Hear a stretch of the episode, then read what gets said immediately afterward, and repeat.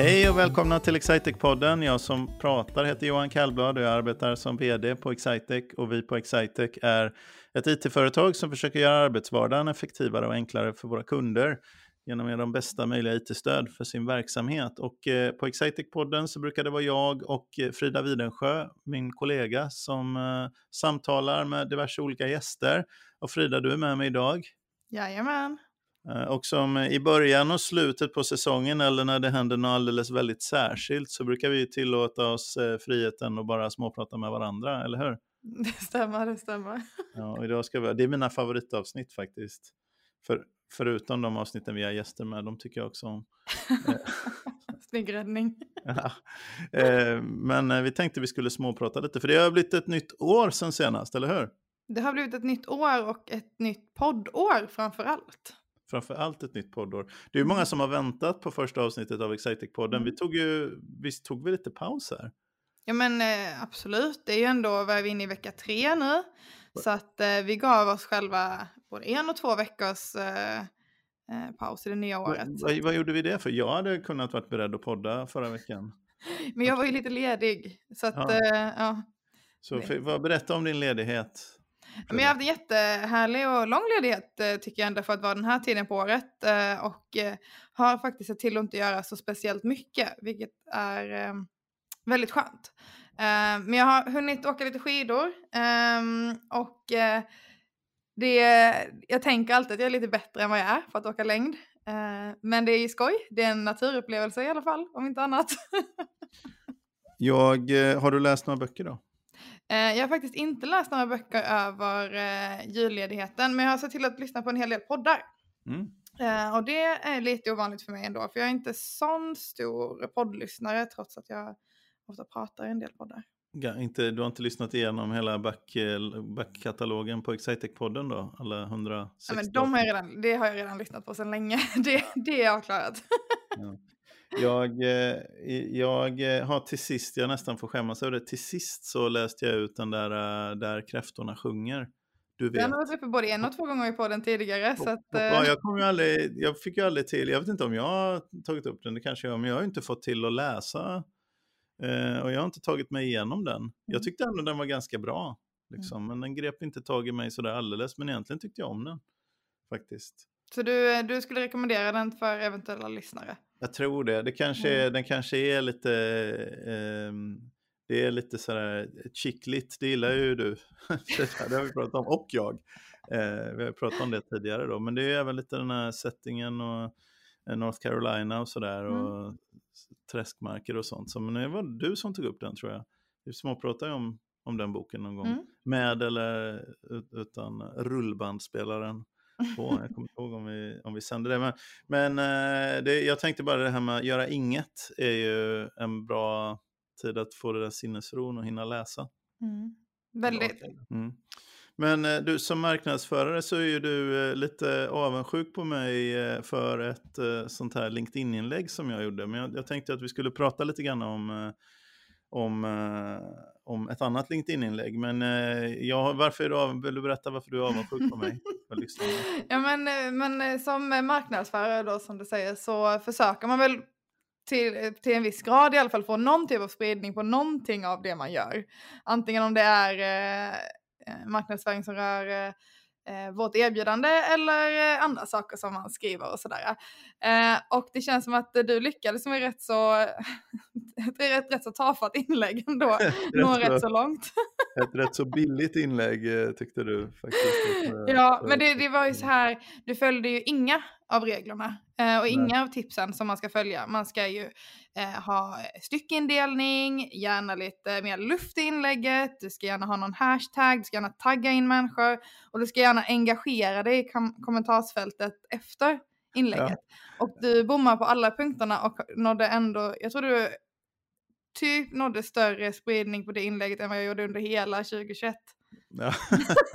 jag har 70, 35 kommentarer, 746 eh, reaktioner och eh, jag ska säga 70 000 eh, visningar tror jag. Ja. Så det är ganska mycket. Men det var ganska tamt. Men det var inte det inlägget som egentligen var det intressanta. För att eh, Eh, vi pratade ju om, eh, om det här med trender. Det är nytt år ju och då vill man ju Mm. alltid nytt år och vi hade en årskrönika ju själva lite grann där vi gjorde ett litet retrospektiv kring året som var.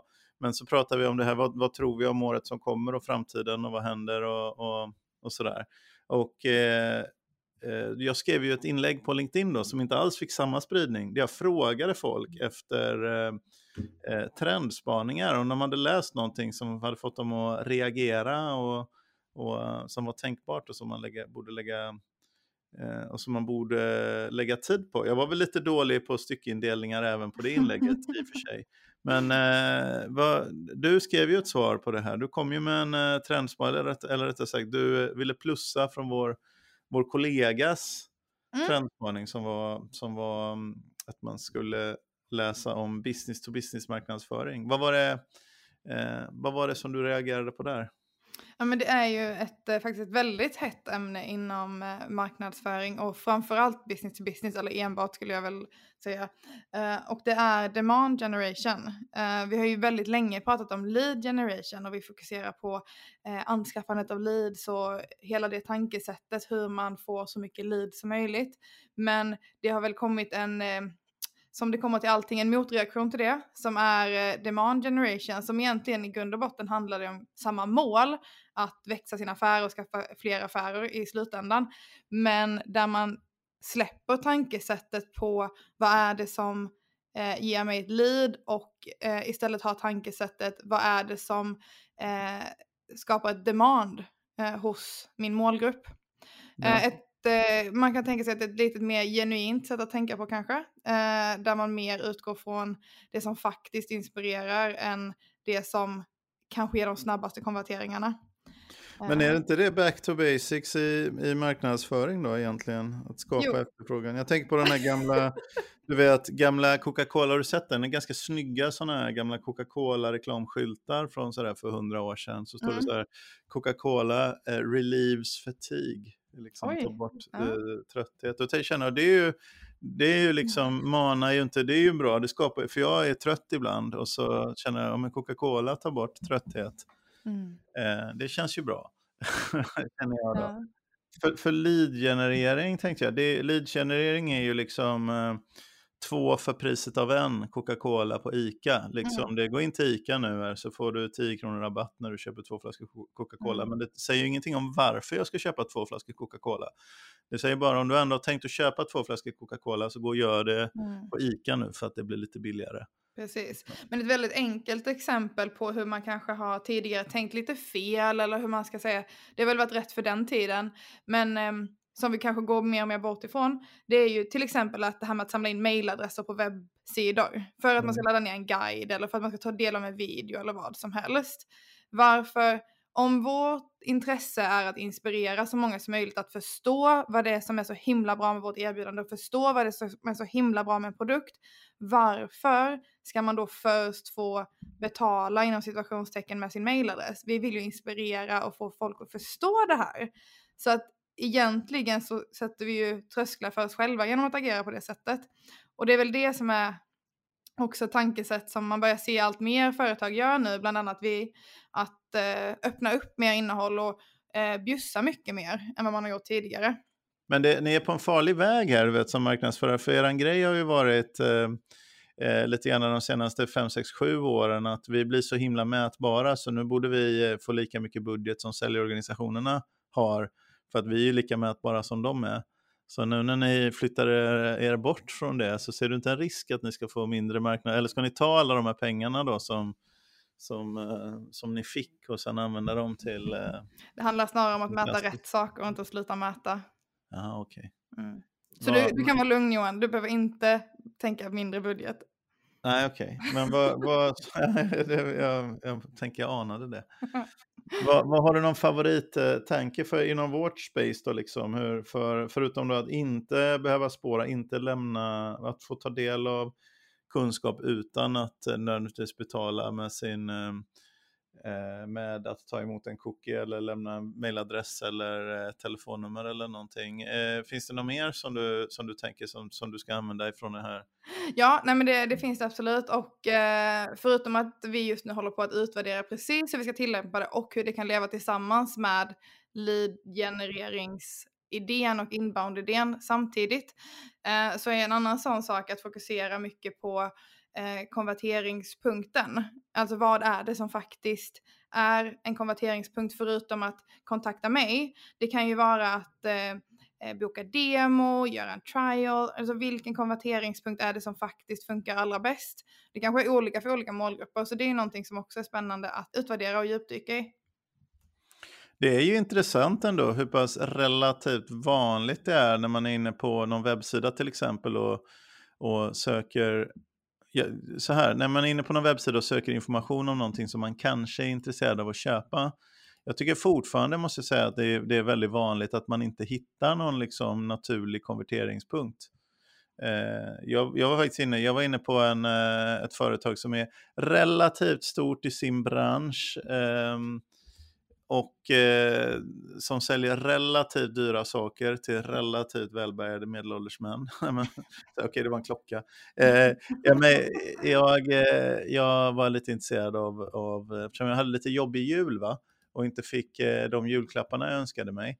Eh, eftersom jag var, istället för att vara på julhandel så var jag i någon form av coronakarantän. Eh, det kan vi prata om någon annan gång.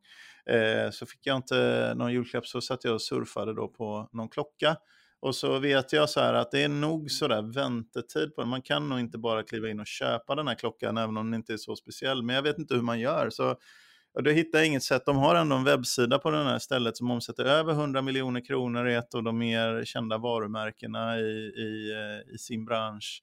Liksom, jag hittade inget sätt att initiera en köpprocess.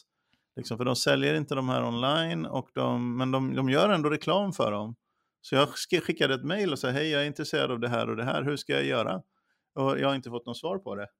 Det känner jag liksom, det, det är också, jag förstår att antagligen är ett sätt att åka till någon butik på Biblioteksgatan i Stockholm eller någonting och initiera en köpprocess där. Men om jag nu inte liksom mm. till exempel bor där, om jag till exempel är i coronakarantän i Linköping och jag hade mm. inte corona själv ens, utan det var en i min närhet som hade det, så så det är ganska, ganska konstigt ändå, tycker jag. Tycker jag. Alltså det, det där är inte så, samma sak hände med när jag försökte titta på braskamin.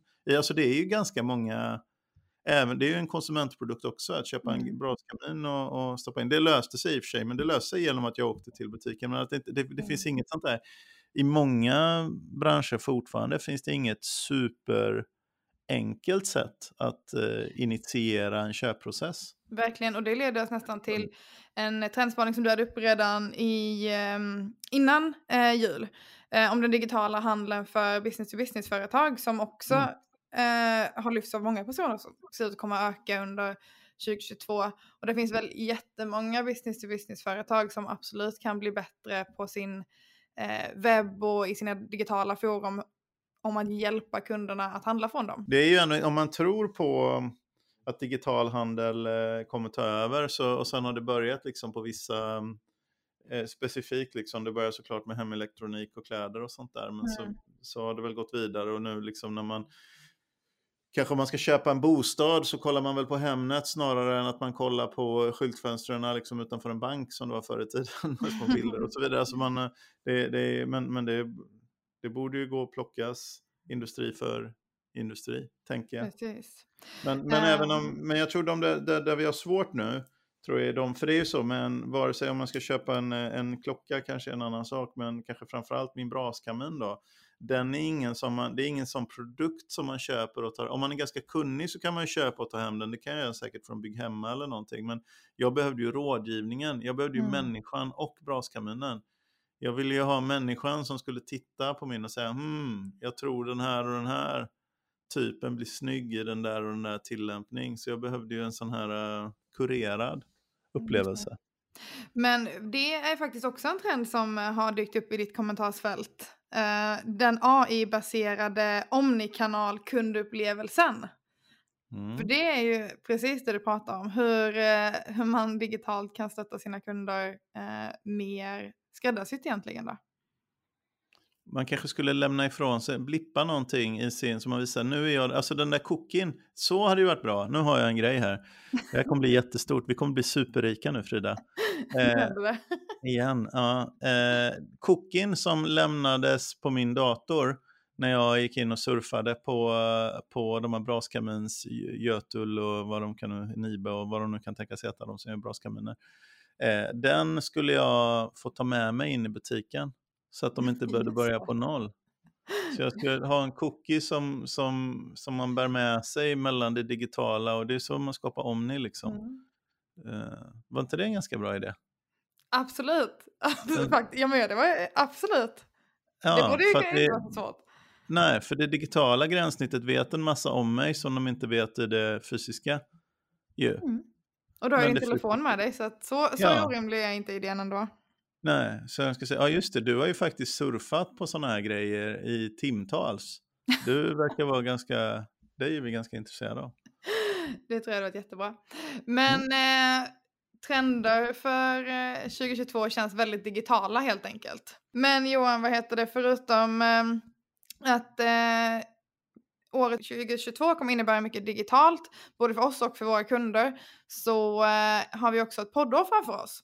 Och eh, vi har ju fått jätte, vi har haft jättemycket spännande gäster förra året och lärt känna hur många nya kollegor som helst som eh, nu går från att vara 29 till att bli fullfjädrade konsulter, nästan eh, i alla fall. Och eh, vi har fått jättemycket tips på spännande gäster för eh, det här halvåret. Och framförallt så har vi fått lite önskemål om att ha ännu fler personer som har jobbat ett tag. Som mm. eh, kanske har gått traineeprogrammet eh, och hur gick det sen egentligen? Var, var hamnade man någonstans och hur är konsultlivet två år efter traineeprogrammet? Så det tror jag vi kommer se till att Det kanske kan få bli något återbesök från någon som, som har uh, varit med förut då. Precis. Det, det måste vara ganska lätt aktuellt. att hitta deltagare där. Mm. Eh, det blir ganska, jag trodde du skulle fråga mig om en drömgäst och jag hade tänkt att säga Elon Musk men jag tror han är upptagen. han eh, kanske är upptagen. ja. Men han är med på ganska många andra, man kan titta på, man kan ju se, höra honom på andra poddar så han kanske inte behöver vara med just på vår podd. Just det. Nej, det jag, jag tror att, eh, ja. vi kan ju se ifall 2023 är det året. Men eh, 2022 känns redan planerat så att vi, vi får vi får vänta med... 2023 kan vi göra kändisar med. Det finns ju annars, vi har ju en, eh, jag lyssnade på, eller jag lyssnade aldrig, jag lyssnade på ett fjärdedels avsnitt av digitala influencerpodden som våra branschkollegor Concid gör. De har ju valt eh, ett annat eh, spår, liksom. de har valt eh, kändisspåret eh, på sina poddar. Inte, inte så mycket medarbetare annat än om det är någon som ska berätta och positionera om något väldigt, väldigt viktigt. Så jag får inte riktigt en känsla av hur hur arbetsdagarna är på Concid när jag lyssnar på den. Men det är ett annat spår och det är också det är ambitiöst. Alltså att, att försöka säga någonting om digitalisering. Vi försöker mer berätta om livet på Excitec och vad vi gör och, mm. och om oss. Då. Så det och det kommer roligt. vi fortsätta med. Det kommer vi fortsätta med. Så Elon Musk, om du inte ansöker till att börja jobba på Excitec så är du nog kanske inte välkommen. jo, han skulle vara välkommen. Men eh, om Elon Musk skulle vilja börja jobba på Excitec, vad, mm. Hur skulle han göra då? Frida? Men då skulle han gå in på www.excitec.se karriär och så hittar han all information där. Mm. Och eh, om han är eh, intresserad av att eh, köpa affärssystem eller beslutsstödssystem eller något annat spännande eh, erbjudande som vi har, vad ska han göra då? Vi har ju faktiskt en annan, då kan han gå in och läsa vad som möjligtvis är, är det inte så att vi har ett referenscase från hans eh, konkurrent nu? Eh, Elon Musk bedriver ju en känd, eh, han är ju storägare och grundare av en känd elbilsfabrik som heter Tesla. Och vi har ju en svensk stolthet på elbils, eller halvsvensk, halvkinesisk, som heter Polestar och de är ju faktiskt en kund till oss. Eh, och det kanske man inte kan läsa om på vår webbsida, för det är möjligt att inte det är officiellt, men det är de. Eh, och, eh, men man kan gå till vår webbsida och titta på www.excitec.se och läsa en massa referenscase, berättelser om vad vi gjort åt andra kunder och lite olika tillämpningar av verksamhetsstödjande IT. Då. Så det kan ju Elon göra. Det kan ni göra. Och om du som lyssnar har något tips på någon du tycker borde vara med i podden eller om du eh, har något annat som du vill dela med oss så kan du mejla till excitecpodden at excitec.se. Tack så mycket.